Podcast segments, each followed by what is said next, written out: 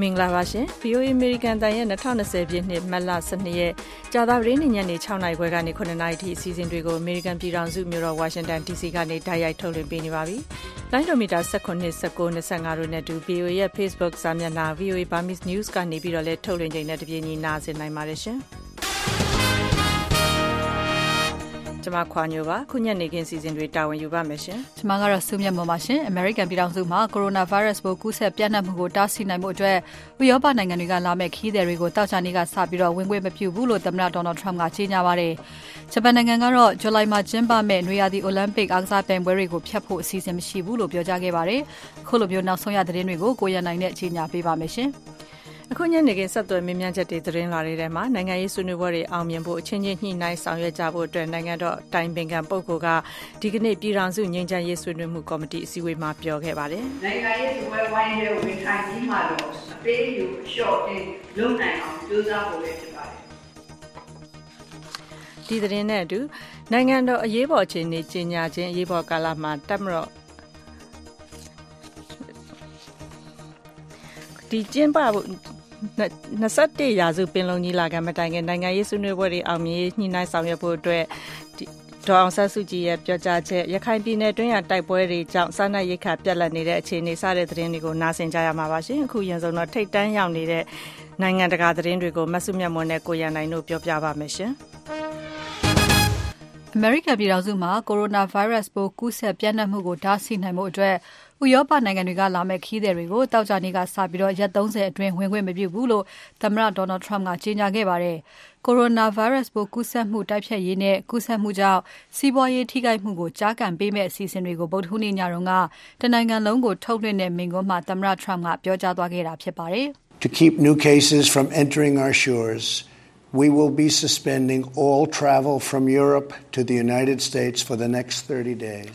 To keep new cases from entering our shores we will be suspending all travel from Europe to the United States for the next 30 days. အမေရိကန်ကိုတဲကိုယောဂဖြစ်နေသူတွေဝင်ရောက်လာမှာကိုကာကွယ်တဲ့အနေနဲ့နောက်ရက်30အတွင်းမှာဥရောပကနေအမေရိကန်စီခီးသွားလာမှုအားလုံးကိုရပ်ဆိုင်းထားမယ်လို့သမ္မတ Trump ကြေညာခဲ့တာဖြစ်ပါတယ်။တောက်ကြနေ့တကောင်ချိန်မှာစတင်အသက်ဝင်မဲ့ဒီကန့်သက်ချက်ဟာလိုအပ်တဲ့ဆေးစစ်မှုတွေလုပ်ထားတဲ့အမေရိကန်နိုင်ငံသားတွေမပါဝင်သလိုအခြေအနေပေါ်မူတည်ပြီးအပြောင်းလဲရှိနိုင်တယ်လို့သမ္မတရဲ့မိန့်ခွန်းထဲမှာပြောကြားသွားပါတယ်။အမေရိကန်လာတာကန့်သက်တဲ့ထဲမှာဗြိတိန်နိုင်ငံမပါဝင်ပါဘူး။တနိုင်ငံနဲ့တနိုင်ငံငယ် နယ်စည်းအကန့်အသတ်မရှိ သွားလာနိုင်တဲ့ ဥရောပရှန်ကန်26နိုင်ငံစီပြီးခဲ့တဲ့14ရက်အတွင်းရောက်ခဲ့သူတွေကိုအမေရိကန်တဲကိုဝင်ခွင့်မပြုဘူးလို့အင်မြူတော်ကြေညာချက်မှာရှင်းထားပါတယ်။အမေရိကန်နိုင်ငံသားတွေဆိုရင်တော့ကြိုတင်ဆေးစစ်မှုတွေလုပ်မဲ့သတ်မှတ်လေးစိတ်တွေကနေအမေရိကန်ကိုလာရမယ်လို့ပြောထားပါတယ်။ Coronavirus ပိုးကူးစက်ပြန့်ပွားမှုကိုကမ္ဘာအနှံ့ပြန့်နှံ့တဲ့ကပ်ရောဂါအဖြစ်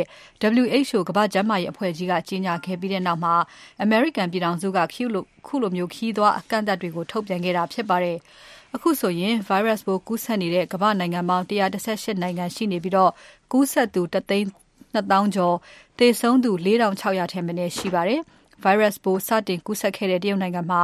နောက်ထပ်ပိုးကူးသူအရေအတွက်ကျဆင်းနေပေမဲ့ကမ္ဘာမှာပိုးကူးသူဒုတိယမြောက်အများဆုံးဖြစ်နေတဲ့အီတလီနိုင်ငံမှာတော့ကူးစက်သူတွေတိုးလာနေပါတယ်။မလိုအပ်ဘဲတနေရာကနေတနေရာသွားလာတာကိုတနိုင်ငံလုံးအတိုင်းအတာနဲ့ပိတ်ထားတဲ့အီတလီနိုင်ငံမှာအစားအသောက်ရောင်းတဲ့စူပါမားကတ်တွေဈေး ဆေးဆိုင်တွေကလွဲလို့စားတောက်ဆိုင်တွေအရက်ဘားတွေစပယ်ညှက်ဆိုင်တွေအားလုံးကိုပိတ်ဖို့ဝန်ကြီးချုပ်ကဒီကနေ့ထပ်ပြီးတော့ကြေညာခဲ့ပါတယ်။ဂေါ်တီမာလာနဲ့အယ်ဆာဗေဒိုနိုင်ငံတွေကလည်းဥရောပနိုင်ငံတွေကနေသူတို့စီကိုလာတဲ့သူတွေကိုပြည်ဝင်ခွင့်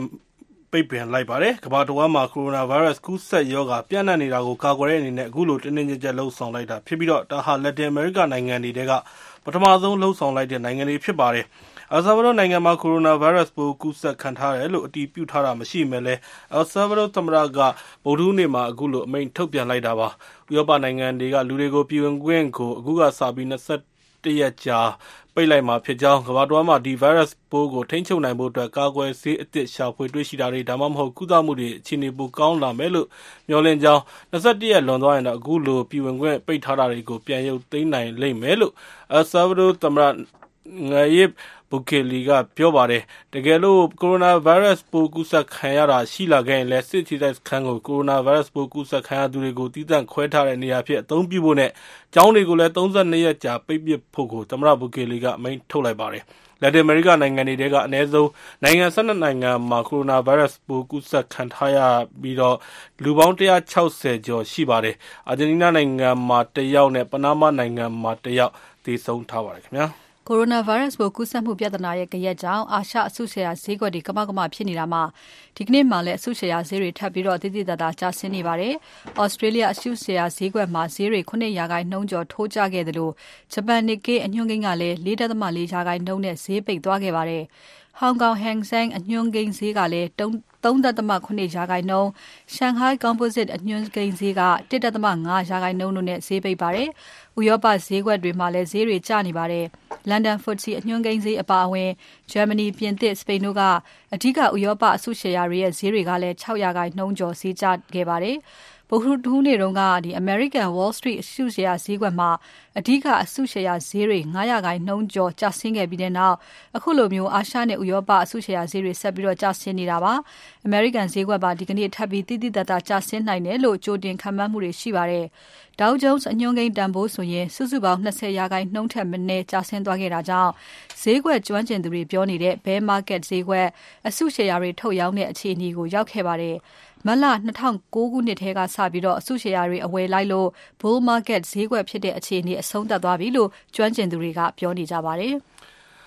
အမေရိကန်က Oscar အကယ်ဒမီဆုရှင်ရုပ်ရှင်မင်းသား Tom Hanks က သူနဲ့သူ့ရဲ့ဇနီး Rita Wilson တို့ဟာ ကိုရိုနာဗိုင်းရပ်စ်ပိုးကူးစက်ခံထားရတယ်လို့ Australia နိုင်ငံမှာကြေညာလိုက်ပါတယ်။သူနဲ့သူ့ရဲ့ဇနီးဖြစ်တဲ့အဆိုတော်ရုပ်ရှင်မင်းသမီး Rita Wilson တို့ဟာ Australia နိုင်ငံ Gold Coast တက္ကသိုလ်ဆေးရုံမှာသီးသန့်ခွဲပြီးကုသမှုခံယူနေပြီးသူတို့ဟာအေးမိပြီးကိုယ်ပူချိန်တက်တာ၊ကိုယ်လက်ကိုက်ခဲတာ၊ပင်ပန်းနွမ်းနယ်ပြီးဖျားနာခဲ့တာကြောင့်သွားစစ်ခဲ့တာဖြစ်တယ်လို့ Tom Hanks ကပြောပါတယ်။ Elvis Biopic ရုပ်ရှင်ရိုက်ကူးရေးကိုပိတ်ထားလိုက်ပြီဆိုတာကိုသူ့အနေနဲ့အတည်ပြုနိုင်ကြောင်းနဲ့ခေါင်းဆောင်မင်းသား Tom Hanks ဟာလည်း Gold Coast ဆေးရုံမှာတက်နေပြီး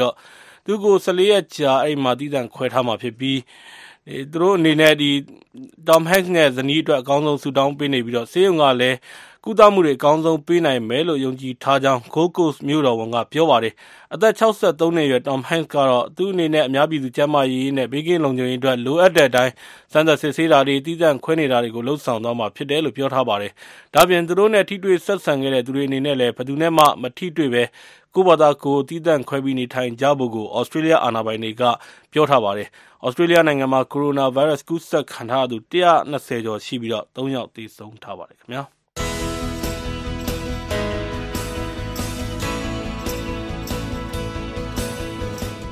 VOA American တန်ညနေဘက်မြန်မာဘာသာအစီအစဉ်တွေကိုညနေ6နာရီခွဲကနေညနေ9နာရီထိလိုင်းဒိုမီတာ7 kHz 10683ညလိုင်းဒိုမီတာ19 kHz 15563နဲ့လိုင်းဒိုမီတာ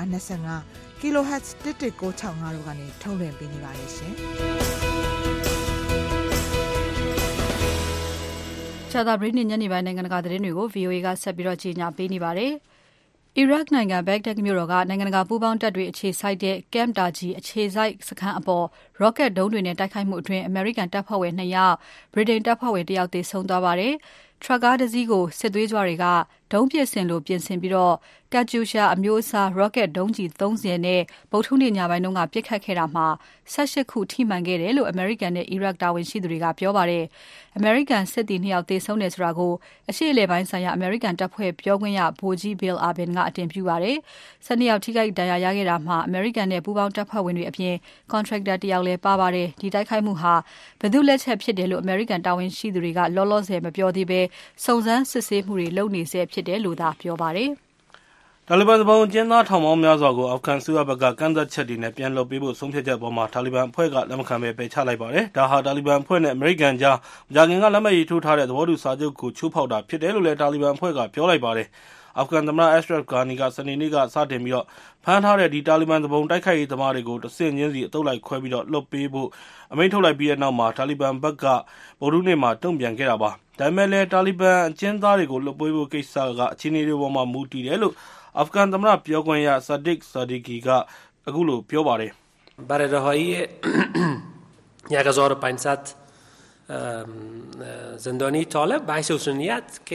Baradahai 1500 zindani talib bahs usniyat ke တာလီဘန်အကျဉ်းသား1500ကို မတ်လ14ရက်နေ့ကစပြီး လွှတ်ပေးသွားမှာဖြစ်ပြီးတော့ချစ်ကြည်ရင်းနှီးမှုကို ပြသတဲ့အနေနဲ့ အခြေအနေတွေပေါ်မှာ မူတည်ပြီးတစ်နေ့ကို အကျဉ်းသား100လွှတ်ပေးသွားမှာ ဖြစ်ပါတယ် ပထမ3ရက်အတွင်းကြမ်းဖက်မှုတွေ ဆက်ဖြစ်နေမယ်ဆိုရင် အာဖဂန်ဆိုရအနေနဲ့ အကျဉ်းသားလွှတ်ပေးတာတွေကို ရပ်ဆိုင်းသွားမှာ ဖြစ်ပါတယ် ဒါပေမဲ့ကျွန်တော်တို့ရဲ့ အဓိက ရည်မှန်းချက်က အာဖဂန်စစ်ပွဲကို အဆုံးသတ်ပြီး ငြိမ်းချမ်းရေးလုပ်ငန်းစဉ် အောင်မြင်ဖို့ပဲ ဖြစ်တယ်ဆိုတာကို ထပ်လောင်း ပြောကြားလိုပါတယ် ဒီလုပ်ငန်းစဉ် အောင်မြင်ဖို့ မျှော်လင့်ထားပြီးတော့တကယ်လို့ မအောင်မြင်ဘူးဆိုရင်တော့ တာလီဘန်အဖွဲ့မှာ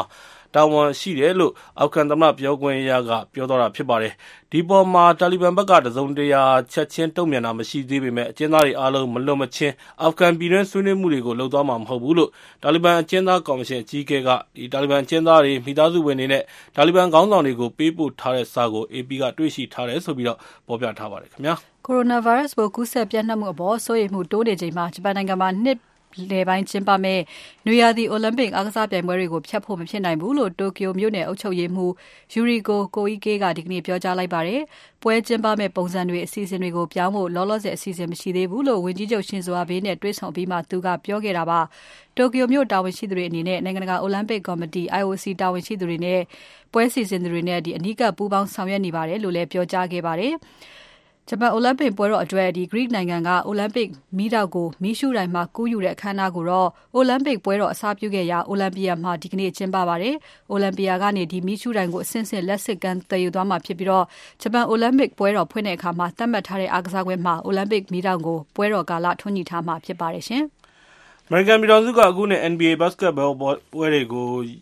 ရပ်ဆိုင်းလိုက်ပါပြီ။ Utah Jazz ဘတ်စကတ်ဘောအသင်းက ကစားသမားတယောက် ကိုရိုနာဗိုင်းရပ်စ် ကူးစက်ခံရပြီးတဲ့နောက် အခုနှစ် NBA ဘတ်စကတ်ဘောရာသီကို နောက်ထပ် တစုံတရာ ကြေညာချက်ထုတ်ပြန်ခြင်းမရှိသရွေ့ ရက်အကန့်အသတ်မရှိ ရပ်ဆိုင်းလိုက်တယ်လို့ အမေရိကန် အမျိုးသားဘတ်စကတ်ဘောအဖွဲ့ချုပ်က ဗုဒ္ဓဟူးနေ့မှာ ကြေညာပါတယ်။ Utah Jazz နဲ့ Oklahoma Thunder အသင်းတို့ ဗုဒ္ဓဟူးနေ့ ပွဲမကစားခင်မှာ Utah ကစားသမားတဦးမှာ ကိုရိုနာဗိုင်းရပ်စ်ပိုး ကူးစက်ခံရတယ်ဆိုတာကို တွေ့ပြီးတဲ့နောက် ဒီပွဲကို ဖျက်လိုက်သလို ဘတ်စကတ်ဘောရာသီကိုလည်း အကန့်အသတ်မရှိ ရပ်ဆိုင်းလိုက်တယ်ဆိုပြီး NBA ဘက်က ကြေညာခဲ့တာ ဖြစ်ပါတယ်ခင်ဗျာ။ Direct from Washington, the voice of America, VOA. ကြာသပတေးနေ့ညနေခင်းထိပ်တန်းရောက်နေတဲ့ဒေသတွင်းနဲ့နိုင်ငံတကာသတင်းတွေကိုမဆုမြတ်မွန်နဲ့ကိုရနိုင်တို့ပြောပြခဲ့ကြတာပါရှင်။အခုသတင်းလွှာတွေထဲမှာတော့အရင်ဆုံး21ရာစုပင်လုံညီလာခံကျင်းပနိုင်ရေးတောင်စန်းစုကြည်ဘလို့တိုက်တွန်းခဲ့တယ်လဲဆိုတာကြည့်ကြရအောင်ပါ။ ကျင်းပဖို့ ပြင်ဆင်နေတဲ့ ၂၁ ရာစု ပင်လုံညီလာခံ မတိုင်ခင် နိုင်ငံရေးဆွေးနွေးပွဲတွေ အောင်မြင်ရေး ညှိနှိုင်းဆောင်ရွက်ဖို့ ပြည်ထောင်စု ငြိမ်းချမ်းရေး ဆွေးနွေးမှုကော်မတီ UPDJC ဥက္ကဋ္ဌ နိုင်ငံတော်အတိုင်ပင်ခံပုဂ္ဂိုလ် ဒေါ်အောင်ဆန်းစုကြည်က ပြောပါတယ်။နှစ်နှစ်နီးပါး ရပ်ဆိုင်းနေတဲ့ UPDJC အစည်းအဝေး ဒီကနေ့ ပြန်ကျင်းပချိန်မှာ အခုလို ပြောသွားတာပါ။လက်ရှိမှာ ကိုရိုနာဗိုင်းရပ်စ် အန္တရာယ် ရှိနေတာကြောင့် ၂၁ ရာစု ပင်လုံညီလာခံ ကျင်းပဖို့အတွက်ကိုတော့ ဒီကနေ့ ဆုံးဖြတ်ကြဖို့ရှိတယ်လို့ သမ္မတရုံး ပြောခွင့်ရပုဂ္ဂိုလ်က ပြောပါတယ်။ဒီအခြေအနေတွေကို VOA သတင်းထောက်ကိုဇော်ထက်ကပြောပြပါမယ်ရှင်။ဒီကနေ့နေပြည်တော်အမျိုးသားပြန်လည်သင့်မြတ်ရေးနဲ့ငြိမ်းချမ်းရေးဗဟိုဌာန NRPC မှာလုပ်တဲ့၁၈ကြိမ်မြောက် UPDJC အစည်းအဝေးကိုဥက္ကဋ္ဌတာဝန်ယူထားတဲ့နိုင်ငံတော်အတိုင်ပင်ခံဒေါ်အောင်ဆန်းစုကြည်တက်ရောက်ခဲ့ပြီးအခုလိုရပ်တန့်နေတဲ့အစည်းအဝေးကိုပြန်စတင်နိုင်တာဟာငြိမ်းချမ်းရေးလုပ်ငန်းစဉ်အတွက်အရေးကြီးကြောင်းအတိုင်ပင်ခံကသူ့ရဲ့အဖွင့်မိန့်ခွန်းမှာထည့်သွင်းပြောသွားပါတယ်။ ကာလရှည်ကြာရန်နာခဲ့ရတဲ့ UPDJC အစည်းအဝေးပြန်လည်စတင်နိုင်ခြင်းဟာဘယ်တော့ပဲအခက်အခဲတွေစိန်ခေါ်မှုတွေကြုံတွေ့နေပါစေ။ကျမတို့အချင်းချင်းစိတ်ရှည်ပြီးခံပြီးအကျေနဲ့ညှိနှိုင်းနိုင်ရဆိုရင်အောင်မြင်နိုင်တယ်ဆိုတာကိုသက်သေပြနေကြတာဖြစ်ပါတယ် UPDJC အစည်းအဝေးမှာ စတုတ္ထအကြိမ် ပင်လုံညီလာခံ ပြန်ကျင်းပနိုင်မယ့် အချိန်ကို ထုတ်ပြန်နိုင်လိမ့်မယ်လို့ မျှော်လင့်ထားပေမဲ့ အစည်းအဝေးပြီးမှာတော့တမတာယုံပြောခွင့်ရ ဦးစောထေကဒီနေ့တီးတန့်အစည်းအဝေးပြီးမှပဲ အတိအကျကို ထုတ်ပြန်ပေးနိုင်လိမ့်မယ်လို့ ပြောသွားပါတယ်။ကျွန်တော်တို့နိုင်ငံညီလာခံကို ကျွန်တော်တို့ကဒီ2020ပထမလေးလအတွင်းဆိုတော့ဒီကအထိပေါ့နော် အဲ့လိုမျိုးကျွန်တော် GNC ကဆင်းရထားတော့ဒီ လောလောဆယ် virus ကြံသွားတဲ့အခြေအနေပေါ်မူတည်ပြီးတော့ဒီလိုအာစီကင်းသတ်မှတ်ချက်တွေထွက်လာတဲ့အခါမှာဒီလိုကျွန်တော်လုပ်သွားဖို့ရှိတယ်။နည်းနည်းတော့အာဒီ virus ကမကြော်လည်းဖြစ်လာတဲ့ဟာပေါ့အစိုးရတပ်မတော်နဲ့ NCA ရေးထိုးထားတဲ့တိုင်းသားလက်နက်ကိုင်တွေဇန်နဝါရီ၈ရက်မှာလုပ်တဲ့၈ကြိမ်မြောက် JICM အစည်းအဝေးမှာပြည်အောင်စုငြိမ်းချမ်းရေးညီလာခံ21ရာစုပင်လုံကို2020ပြည့်နှစ်ဧပြီလထက်နောက်မကျဘဲကျင်းပဖို့သဘောတူညီထားပါတယ်။ တတိုင်းပြည်လုံးရဲ့ လိုအပ်ချက်တွေကို နိုင်ငံရေးပါတီတွေအနေနဲ့ ဖြည့်ရှင်းနိုင်မှာ မဟုတ်ဘဲ အဓိကတာဝန်ဖြစ်တဲ့ ငြိမ်းချမ်းရေးနဲ့ အမျိုးသားပြန်လည်သင့်မြတ်ရေးအတွက် ဝိုင်းပြီးစ조사ကြဖို့ UPDJC ဒုဥက္ကဋ္ဌ ဦးသူဝေက ဇန်နဝါရီ25ရက်မှာလုပ်တဲ့ UPDJC နိုင်ငံရေးပါတီအစုအဖွဲ့ အစည်းအဝေးမှာ ပြောခဲ့ပူပါတယ်။အဲဒါကိုပဲ ဒီနေ့ UPDJC အစည်းအဝေးမှာ နိုင်ငံတော်အတိုင်ပင်ခံ ဒေါအောင်ဆန်းစုကြည်က ထပ်လောင်းပြောခဲ့ပြီး အစုအဖွဲ့တစ်ဖွဲ့ချင်းစီအနေနဲ့ ကိုယ့်ရဲ့လိုလားချက်တွေကိုယာနှုံးပြည့်ရမှ ပူးပေါင်းပါဝင်မယ်ဆိုရဲ့ ခံယူချက်မျိုးနဲ့စိတ်ဆက်ညှိနှိုင်းလို့ရမှာ မဟုတ်ကြောင်းလည်း ပြောခဲ့ပါတယ်။နိုင်ငံရေးစပွဲဝိုင်းတဲ့ဝင်ထိုင်ပြီးမှတော့ အပေးယူ အလျှော့တင်လုံနိုင်အောင် ကြိုးစားဖို့လည်းဖြစ်ပါတယ်။ကျမတို့ရဲ့ နိုင်ငံရေးဆွေးနွေးပွဲတွေ အောင်မြင်ဖို့အတွက် ကျမတို့ UPDJC အနေနဲ့ညတာတဲ့ အပေးယူ အလျှော့အတင်းကို အခြေခံပြီးစီလုံးညီညွတ်မှု တည်ဆောက်နိုင်ဖို့ အထူးပဲ အရေးကြီးလာပါတယ်။ ဒါကြောင့်သဘောဆောင်တဲ့ပူပေါင်းဆောင်ရွက်မှုပင်လုံစိတ်ဓာတ်ကိုအခြေခံတဲ့ပူပေါင်းဆောင်ရွက်မှုနဲ့ကျမတို့အားလုံးရှေ့ဆက်သွားကြဖို့တိုက်တွန်းလိုပါတယ် NCA စာချုပ်အရဆိုရင်တနိုင်ငံလုံးအပြည့်ရက်လက်မှတ်ထိုးဆယ်ပွဲကသူတို့ထိန်းချုပ်နေမည်အသီးသီးမှာအမျိုးသားအဆင့်နိုင်ငံရေးဆွေးနွေးပွဲတွေလုပ်ပြီးရလာရဲ့ဘုံသဘောတူညီချက်တွေနဲ့21ရာစုပင်လုံညီလာခံမှာဝင်ရောက်ဆွေးနွေးရမှာပါ ရှမ်းပြည်ပြန်လည်ထူထောင်ရေးကောင်စီ ရှမ်းပြည်တပ်မတော် RCSS/SSA နဲ့ ရခိုင်ပြည်လွတ်မြောက်ရေးပါတီ ALP ကလွဲလို့ ကျန်တဲ့အဖွဲ့တွေက နိုင်ငံရေးဆွေးနွေးပွဲတွေ လုပ်ထားပြီးဖြစ်ပါတယ်။ ALP ကတော့ ရခိုင်ပြည်နယ်ရဲ့လက်တလော ပဋိပက္ခအခြေအနေတွေကြောင့် သူ့ရဲ့ အမျိုးသားအဆင့် နိုင်ငံရေးဆွေးနွေးပွဲတွေကို ရခိုင်မှာမလုပ်ဘဲ တခြားဆွေးနွေးပွဲပုံစံနဲ့ ရန်ကုန်မှာလုပ်သွားဖို့ သဘောတူညီမှုရထားကြောင်း သမ္မတရုံပြောခွင့်ရ ဦးစောထေးက ဒီနေ့ UPDJC ပွဲအပြီးမှာ ပြောခဲ့ပါတယ်။ UPDJC မှာ အစိုးရ လက်နက်ကိုင်နဲ့ နိုင်ငံရေးပါတီ အစုအဖွဲ့၃ခုစီက အချို့ကျ ရွေးချယ်ထားတဲ့ ကိုယ်စားလှယ် ၄၈ ယောက်ရှိပြီး နိုင်ငံရေး၊စီးပွားရေး၊လူမှုရေး၊လုံခြုံရေး၊မြေယာမူဝါဒ ဒီကဏ္ဍ၅ခုမှာ အခြေခံပြီး လာမယ့် ၂၁ ရာစု ညီလာခံမှာ ဆွေးနွေးသွားမှာ ဖြစ်ပါတယ်။ကိုဇော်ထက် ပြောပြခဲ့တာပါရှင်။ခု ပြည်ထောင်စုလွှတ်တော်တွေကဖွဲ့စည်းပုံပြင်ဆင်ရေး ဒီကနေ့ အခြေအနေကို သိကြရပါမယ်ရှင်။ နိုင်ငံတော်အရေးပေါ်အခြေအနေကြေညာတာ၊အရေးပေါ်ကာလမှာ တပ်မတော်ကာကွယ်ရေးဦးစီးချုပ်ကို အာဏာအပ်နှင်းတာ စတာတွေနဲ့သက်ဆိုင်တဲ့ ၂၀၀၈ အခြေခံဥပဒေပါ ပြဌာန်းချက်တွေကို ပြင်ဆင်ဖို့ အဆိုပြုချက်တွေကို ဒီကနေ့ ကျင်းပတဲ့ ပြည်ထောင်စုလွှတ်တော်အစည်းအဝေးမှာ မဲခွဲဆုံးဖြတ်ခဲ့တာမှာ အောင်မြင်မှုမရခဲ့ပါဘူး။ဒီအကြောင်းကိုတော့ဗွီအိုအေသတင်းထောက် ကိုမိုးဇော်က ဆက်ပြောပြပါမယ်။ ဟုတ်ကဲ့ဒီကနေ့မဲခွဲဆုံးဖြတ်တဲ့ဒုတိယအကြိမ်ပြင်ဆင်တဲ့ဥပဒေမူကြမ်းပါပုဒ်မ436ပုဒ်မခွဲကကြီးမှအကျုံးဝင်တဲ့ပုဒ်မပုဒ်မခွဲ14ခုဟာ2008ဖွဲ့စည်းပုံအခြေခံဥပဒေအခန်း7အရေးပေါ်ကာလဆိုင်ရာပြဋ္ဌာန်းချက်မှာပါဝင်တဲ့ပုဒ်မပုဒ်မခွဲတွေဖြစ်ပါတယ် ဒီကနေ့ပယ်ဖျက်ပြင်ဆင်ဖြည့်စွက်နိုင်ရေးအတွက်ပြည်ထောင်စုလွှတ်တော်မှာမဲခွဲဆုံးဖြတ်ရာမှာသတ်မှတ်ထားတဲ့ထောက်ခံမဲ85ရာခိုင်နှုန်းမကျော်တာကြောင့်မူလအတိုင်းထားရှိဖို့ဆုံးဖြတ်ကြောင်းလွှတ်တော်နာယကဦးတီခွန်မြတ်ကကြေညာခဲ့ပါတယ်။ပုံမှန်410နဲ့ပုံမှန်ခွဲကကြီးပယ်ဖျက်မှုအတွက်ထောက်ခံစန္ဒမဲ414မဲဖြစ်ပါတယ်။ထောက်ခံစန္ဒမဲ85ရာခိုင်နှုန်းမကျော်တဲ့အတွက်မူလအတိုင်းဖြစ်ကြောင်းကြေညာပါတယ်။ ပုံမှန်430နဲ့ပုံမှန်ခွဲခခွေပယ်ဖြတ်မှုအတွက်ထောက်ခံဆန္ဒမဲ434မဲဖြစ်ပါတယ်ထောက်ခံဆန္ဒမဲ85ရာခိုင်နှုန်းမကျော်တဲ့အတွက်မူလအတိုင်းဖြစ်ကြောင်းကြေညာပါတယ်ပုံမှန်433ပယ်ဖြတ်မှုအတွက်ထောက်ခံဆန္ဒမဲ434မဲဖြစ်ပါတယ်ထောက်ခံဆန္ဒမဲ85ရာခိုင်နှုန်းမကျော်တဲ့အတွက် မူလအတိုင်းဖြစ်ကြောင်းကြေညာပါတယ်။ပုဒ်မ412ပုဒ်မခွဲကာကြီးနဲ့ခါခွေးဟာပြည်သူတွေရဲ့အသက်အိုးအိမ်စည်းစိမ်ကိုထိပါမဲ့ခြေနေကြုံရင်သမရကအမျိုးသားကာကွယ်ရေးနဲ့လုံခြုံရေးကောင်စီကာလုံနဲ့ညှိနှိုင်းပြီးရေးပေါ်အခြေအနေကြေညာဖို့ဖြစ်ပါတယ်။ ပုဒ်မ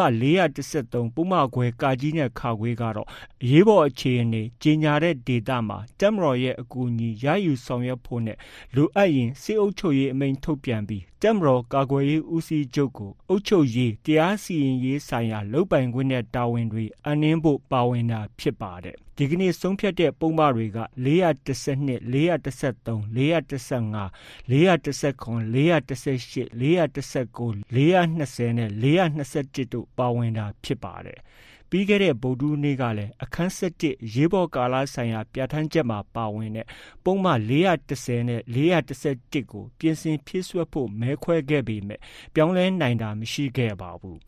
ဖွဲ့စည်းပုံပြင်ဆင်ရေးအတွက် ဒီနေ့ တတိယမြောက်နေ့အထိ ပုဒ်မ ပုဒ်မခွဲ44ခုကို မဲခွဲဆုံးဖြတ်ခဲ့ပေမဲ့ ပုဒ်မ32ပုဒ်မခွဲကာကြီးနဲ့ခါခွေးကိုသာ ပြင်ဆင်နိုင်ခဲ့တာဖြစ်ပါတယ်။လက်ရှိ ဖွဲ့စည်းပုံပြင်ဆင်ရေးအတွက် ဆောင်ရွက်နေတဲ့ အခြေအနေပေါ်မှာ ပြည်ထောင်စုကြံ့ခိုင်ရေးနဲ့ ဖွံ့ဖြိုးရေးပါတီက ပြည်သူ့လွှတ်တော်ကိုယ်စားလှယ် ဦးတောင်းအေးက အခုလို ပြောဆိုထားပါတယ်။ဓိကကတော့အကက်အမြင်ကတော့ ဖွဲ့စည်းပုံအခြေခံဥပဒေကို ပြင်ဆင်နေတာတဲ့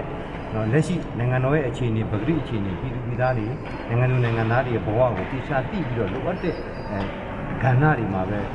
ထင်းကြောင်းပြီးတော့ပြုပြင်ဆောင်ရွက်သွားရမယ်အဲ့လိုထင်းကြောင်းပြီးပြုပြင်ဆောင်ရွက်နေတဲ့နေရာမှာမှဒီအခြေခံဥပဒေကြီးနဲ့တက်ရောက်မှုတစ်ခုရှိနေတယ်ဆိုရင်အဲ့ဒီဟာကိုအားလုံးညှိနှိုင်းပြီးတော့ပြင်ဆင်သွားမယ်အဲ့ဒါဆိုရင်တော့ပြင်ဆင်ရေးလုပ်ငန်းလည်းအဆင်ပြေမယ်နောက်ကတိုင်းပြည်ရဲ့ဖွံ့ဖြိုးတိုးတက်မှုပြည်သူတွေရဲ့ခံစားနေရတဲ့ဒုက္ခဒါတွေလည်းကင်းဝေးသွားနိုင်တယ်လို့အငယ်ကဒီလိုပဲမြင်ပါတယ် အမျိုးသားဒီမိုကရေစီအဖွဲ့ချုပ်ပါတီက ပြည်သူ့လွှတ်တော်ကိုယ်စားလှယ် ဒေါက်တာလှမိုးက လက်ရှိအချိန်မှာ မအောင်မြင်သေးပေမဲ့ ဖွဲ့စည်းပုံပြင်ဆင်ရေးကို ဆက်လက် ကြိုးစားသွားမယ်လို့ ပြောဆိုထားပါတယ် နိုင်ငံရေးလေ့လာသုံးသပ်သူတွေကတော့ အာဏာရ အမျိုးသားဒီမိုကရေစီအဖွဲ့ချုပ် ခေါင်းဆောင်တွေနဲ့ တပ်မတော်ခေါင်းဆောင်တွေအကြားမှာ အရင်ဆုံးညှိနှိုင်းသင့်ကြောင်း ထောက်ပြတာတွေ ရှိခဲ့ပါတယ်။မနက်ဖြန်မှာတော့ ဒုတိယအကြိမ်ပြင်ဆင်တဲ့ ဥပဒေမူကြမ်းပါ ပုဒ်မ436ပုဒ်မခွဲကာကြီးမှာ အကျုံးဝင်တဲ့ ပုဒ်မ ပုဒ်မခွဲ12ခုကို မဲပေးပြီး ဆက်လက် ဆုံးဖြတ်မှာ ဖြစ်ပါတယ်။ဒီပုဒ်မ ပုဒ်မခွဲတွေကလည်းရေးပေါ်ကာလဆိုင်ရာ ပြဋ္ဌာန်းချက်အခန်းက ပုဒ်မအများစု ဖြစ်ပါတယ်။ ကိုမိုးစောပြောပြခဲ့တာပါရှင်အခုရခိုင်ပြည်နယ်ဘက်ကစစ်ရေးပြိပခါတွေနဲ့ဒီဒေသခံတွေရဲ့အခက်အခဲတွေကိုလည်းအလှည့်ပေးကြပါတယ်ရခိုင်ပြည်နယ်မြောက်ပိုင်းမှာတိုက်ပွဲတွေတလကြော်ကြာဇက်တိုက်လို့ဖြစ်နေတာကြောင့်ဒေသခံတွေပိုးပြီးတော့ဘေးဒုက္ခရောက်နေကြရပါတယ်။တချို့ဒေသတွေမှာစားနပ်ရိက္ခာတည်ယူခွင့်ပိတ်ပင်တားမြစ်ထားတာကြောင့်ရိက္ခာပြတ်တဲ့အခြေအနေကိုလည်းရောက်နေပါပြီ။စစ်ဘေးဒဏ်သင့်ဒေသခံတွေရဲ့ အခြေအနေနဲ့ သူတို့ရင်ဆိုင်နေကြရတာတွေကို ဆက်သွယ်မေးမြန်းထားတဲ့ VOA သတင်းတောက် ကိုသက်နိုင်က ဆက်ပြီးတော့ပြောပြပါမယ်ရှင်။ခိုင်ပြည်နယ်မြောက်ပိုင်းကတလကြော်ကြာ တိုက်ပွဲပြင်းထန်နေတဲ့ကြောက်တော်မြို့နယ်က ဒေသခံတချို့ဟာ ဘေးလက်ရကျွေးရွာတွေကို ထွက်ပြေးတင်းရှောင်နေကြရတယ်လို့စဝတ်နေရဲ့ခက်ခဲတွေနဲ့ ရင်ဆိုင်နေကြရတယ်လို့ကြောက်တော်မြို့နယ် ပြည်သူ့လွှတ်တော်ကိုယ်စားလှယ် ဦးထွန်းဝင်းက ပြောပါတယ်။ဒီရန်ဒီနေ့တော့ညပါ ရောက်တယ်။ပြီးတော့ လက်လက်ကြီးတွေနဲ့ အဲဒီမှာတက်တာတွေရှိတယ်။ဆိုတော့ ရွာသားတွေက မနေနေတဲ့ခါကျတော့ အဲ့ဒီဘက်ကကျတော့ဒီမှာချုပ်ပါက ကုလားတန်မြစ်ကနေပြီးတော့မှဟိုးဖက်ပီချောင်းဒေသဖက်ကိုသူတို့ဖြတ်ပြီးတော့ပြေးကြရတာပေါ့ပြီးတော့အဲ့ဒီကနေတဆင့်ကျွန်တော်တို့အဲ့ဒီနီးနားမှာရှိတဲ့ရွာတွေကိုသူတို့ဒါဒါဟိုသူတို့နဲ့နေဆက်တဲ့မိသားစုဝင်တွေရှိတဲ့နေရာတွေမှာဟိုရှောင်ပြီးနေကြရတာပေါ့တချို့ကြတော့လေမြို့ပေါ်ကိုရောက်လာကြတယ်မြို့ပေါ်မှာအခုကကလေးတွေကလည်းဒီမြို့နယ်လုံးစေတဲ့ကျောင်းသားတွေကျောင်းသား2000ကျော်3000ပတ်ဝန်းကျင်လောက်ကအကုန်လုံးမြို့ပေါ်မှာပြုံပြီးတော့ပေါ့ဟိုကျောင်းသားမိဖတွေရောပါတယ်ရောဆိုတော့မြို့ပေါ်မှာလည်းလူငင်းကား 6ထောင်လောက်ရှိတယ်အရင်ကလေးကလည်းကျွန်တော်တို့စစ်ပေးဆောင်ရှိရှိတယ်ဆိုတော့ဆက်ပြီးတော့စစ်ပေးဆောင်တွေပါရောက်နေကြတယ်လို့ပြောတယ်ဆိုတော့မြို့ပေါ်မှာတော့အကုန်လုံးကျွန်တော်တို့ဒါဒါဟိုပြည့်ကျပြီးတော့ရှိမှာပေါ့နော်နေမဲ့နေရာလေးတော့အခက်အခဲရှိနိုင်တယ်ဆိုကျွန်တော်ကြားတော့တော့စာဝတ်ဟိုဟာပေါ့ဝတ်တစ်ထေကိုတစ်ခုနဲ့ဒါဒါထွက်ပြေးလာကြတာပေါ့ ပစ္စည်းတွေ အကုန်လုံးစွန့်ပြီးတော့မှ အသက်တွေလူပြေးကြရတာပေါ့ လက်ရှိရှင်ဒီကြောက်တော်မြို့နယ်တွင်းကကလတန်မြေတလျှောက်မှာဆိုရတက်နဲ့အေဖွေတို့ တိုက်ပွဲတွေ ပြင်းထန်နေတာကြောင့် နေ့စဉ်နဲ့အမျှဆေးရှောင်သူတွေ ရောက်ရှိနေတယ်လို့ကြောက်တော်မြို့နယ် ပရဟိတအသင်းက တာဝန်ရှိသူတူကပြောပါတယ် နေပြီးတော့ဟိုဟာထွက်ပြေးလာတာလူတွေကြောက်တော်ကိုတော့ လက်ရှိကတော့ ကျွန်တော်တို့ကြောက်တော်မှာ ကျောက်တော်ကို200ကျော်လောက်ရောက်ရှိလို့ရှိပါတယ်။အော်ဟိုဟာပါနဘူးကန်ကျေးရောဟိုဒုက္ခသည်စခန်းဆောက်ထားတဲ့နေရာမှာတော့ရောက်ရှိလို့ရှိပါတယ်ခုပါလေ။ဟိုခုလက်ရှိခင်တွေကတော့နေရာကတော့ဟိုဟာတင့်ကျပါတယ်ဘယ်လိုဆိုလဲဆိုတော့ဒီခြေတန်းကျောက်သားတွေစံပွေခွေနေရတဲ့သူတွေလေအဲ့ဒီ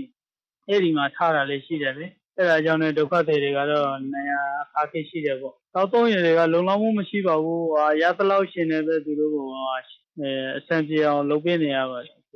ရခိုင်မြောက်ပိုင်းကကြောက်တော် မင်းပြား မြေပုံအန်းနဲ့ ရသေးတောင်မြို့နယ်ဖက်တွေမှာ တိုက်ပွဲတွေ ဆက်တိုက်ဖြစ်ပွားနေတယ်လို့ဒေသခံတွေဟာလည်း နေရာတည်ကြမရှိဘဲ ဘေးလွတ်ရာကို ထွက်ပြေးရင်ထိခိုက်ဒဏ်ရာရသူတွေနဲ့တေဆုံးသူတွေလည်း ရှိနေပါတယ်။မနေ့ကလည်းကြောက်တော်မြို့နယ်တွင်းက ပရိုင်းတိုင်းကြီးရွာကနေ ထွက်ပြေးလာတဲ့ မိသားစုတစ်ခုကလန်ခီမှာ လက်နက်ကြီးကြီးထိမှန်ခဲ့တာကြောင့်တဦးသေဆုံးပြီး၄ဦး ဒဏ်ရာရရှိခဲ့ပါတယ်။ ဒီကနေ့မှလည်းကြောက်တော်မြို့နယ် ပရိုင်းတိုင်းကြီးရွာဘက်မှာ လက်နက်ကြီးကြီးကြားပြီး ထိခိုက်ဒဏ်ရာရသူတွေ ရှိနေတယ်လို့ ဒေသခံတွေက ပြောကြပါတယ်။ဒါအပြင်အမြို့နယ်တွင်းကကစူးကိုင်းဖက်နဲ့ ဒလရှောင်းဖက်မှာရှိတဲ့ ကျေးရွာ20လောက်ကို စားနပ်ရိက္ခာတည်ယူခွင့်တွေ ပိတ်ပင်ထားတာကြောင့် ဒေသခံတွေ စားနပ်ရိက္ခာ ပြတ်လတ်မှုတွေနဲ့ ရင်ဆိုင်နေရတယ်လို့ စစ်ဆောင်တွေကို ကူညီပေးနေတဲ့အန်ဒေသခံ ကိုမျိုးလင်က ပြောပါတယ် အဲ့ဒီဘက်မှာ ဒလဲအုပ်စုပေါ့နော် အမြို့နယ်တော့မှာရှိတဲ့ ဒလဲအုပ်စုဒီမှာတော့အာကုန်ခတဲ့ နိုင်လာပိုင်းကပေါ့နိုင်လာပိုင်းစင်ကောရဲ့နေကနေပြီးတော့ကျွမ်းတဲ့ခါဆိုကုန်အဲတက်မတော်ကနေပြီးတော့ဖျက်ပလိုက်တယ်ပေါ့နော်အဲအဲ့ဒီလိုဖျက်ပြီးနောက်ပိုင်းမှာတော့ဒီနေ့အထိကျွမ်းတဲ့အခါဒီယူခွင့်မရဘူးပေါ့နော်အချန်တွေအပါဝင်ချန်ရဲ့အစောစီရဲ့ဓာတ်စီရဲ့အာချောရဲ့အာငပိရဲ့ငရောတိရဲ့အကြခတိခါချမှုအကြပေါ့နော်လူချောတဲ့ကျွမ်းတဲ့အခါဟိုတမြောက်ကိုတမတော်ကနေပြီးတော့လုံးဝတည်ယူခွင့်မရှိတဲ့နောက်ပိုင်းမှာတော့ဒီနေ့အထိတော့ဆွဲနေတဲ့ခါကျတော့ အမျိုးကြီးပြက်လောက်တော့ကြပြီပေါ့နော်။ဆံမရှိလို့တက်တိတဲ့ရွက်တွေကိုဆွဲရတဲ့အာဒေသခံတွေကအမျိုးကြီးဖြစ်တော့ကြပြီပေါ့နော်ပလောဝမြို့နယ်ဖက်တွေမှာလည်းတိုက်ပွဲတွေပြင်းထန်နေသလိုပလောဝဒေသခံတွေအတွက်စားနပ်ရိက္ခာတွေကိုတင်သွင်းနေတဲ့ကလတန်ရေလမ်းကြောင်းကိုပိတ်ဆို့ထားတာကြောင့်ဒေသခံတွေစားနပ်ရိက္ခာပြတ်လတ်မှုတွေနဲ့ရင်ဆိုင်နေကြရတယ်လို့ဒေသခံတွေကပြောဆိုကြပါတယ် ရခိုင်မြောက်ပိုင်းမှာ ဒီကနေ့ထိ တိုက်ပွဲတွေ ပြင်းထန်နေသလို တိုက်ပွဲတွေကြောင့် နေရဆွမ်းခါထွက်ပြေးနေကြတဲ့ စစ်ဆောင်ဦးရေတသိန်းနှစ်သောင်းကျော်အထိ ရှိနေပြီးစေဝတ်နေရခက်ခဲတွေနဲ့ ရင်ဆိုင်နေကြရတယ်လို့ ရခိုင်တိုင်းသားများ မျိုးနွယ်စုစီယုံ REC က ထုတ်ပြန်ထားပါတယ်ခင်ဗျာ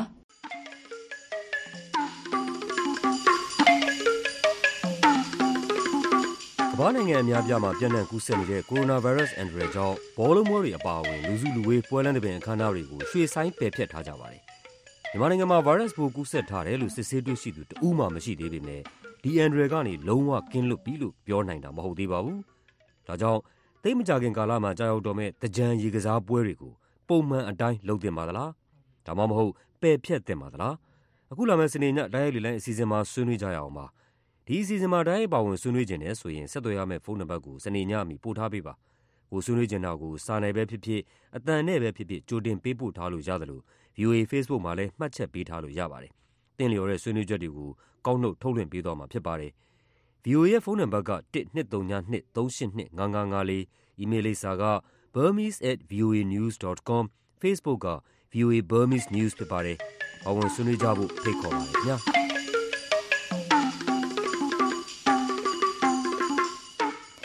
အခုလာမယ့်စနေညတိုက်ရိုက်လေလိုင်းမှာပါဝင်ဆွေးနွေးလို့ရင်အချိန်မီဆက်သွယ်နိုင်ကြပါရရှင်။နောက်နှစ်နာရီကြာမှထုတ်လွှင့်ပေးမယ့်ညပိုင်းစီစဉ်တွေမှာတော့ဥအောင်ခင်ရဲ့မြန်မာအရေးသုံးသပ်ချက်၊ကျန်းမာရေးနဲ့တိုင်းရင်းသတင်းလွှာအစီအစဉ်တွေနားဆင်ကြရမှာပါ။လိုင်းဒိုမီတာ19 kHz 15453ညလိုင်းဒိုမီတာ25 kHz 11883ည လိုင်းဒိုမီတာ32 kHz 9335နဲ့ပထမနိုင်ဝက်မှာလှိုင်းလက်မီတာ190 kHz 1505တို့ကနေတိုက်ရိုက်ဖန်ယူနားဆင်နိုင်ကြပါတယ်ရှင်။ကြာသပတေးနေ့ညနေဘက် VOA အစီအစဉ်တွေကိုအမေရိကန်ပြည်ထောင်စုမြို့တော်ဝါရှင်တန် DC ကနေတိုက်ရိုက်ထုတ်လွှင့်ပေးနေပါတယ်ရှင်။အခုကြာသပတေးနေ့ညနေခင်းထိတ်တန်းရောက်နေတဲ့နိုင်ငံတကာသတင်းအကျဉ်းချုပ်ကိုမဆုမြတ်မောင်ကပြောပြပေးပါမယ်ရှင်။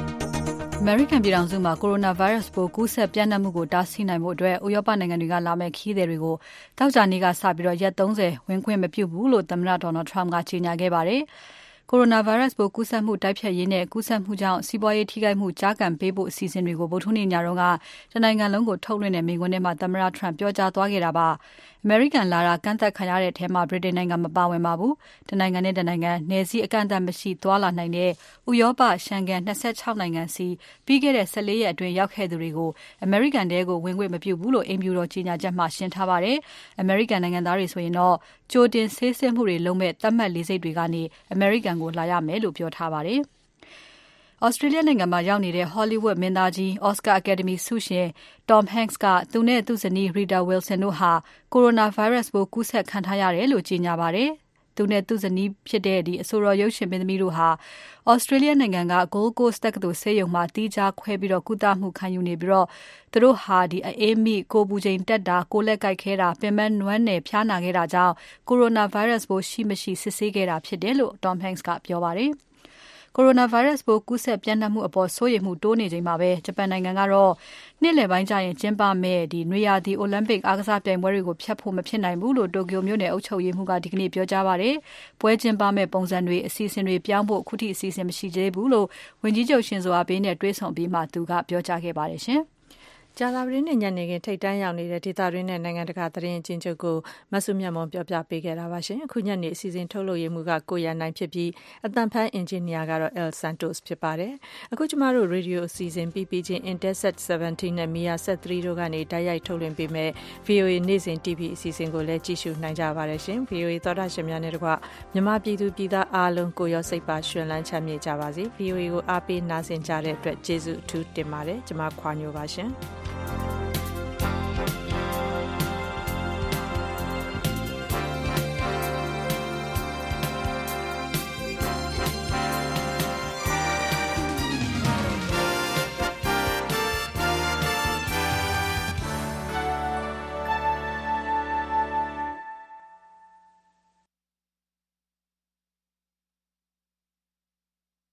This program has come to you from the Voice of America, Washington.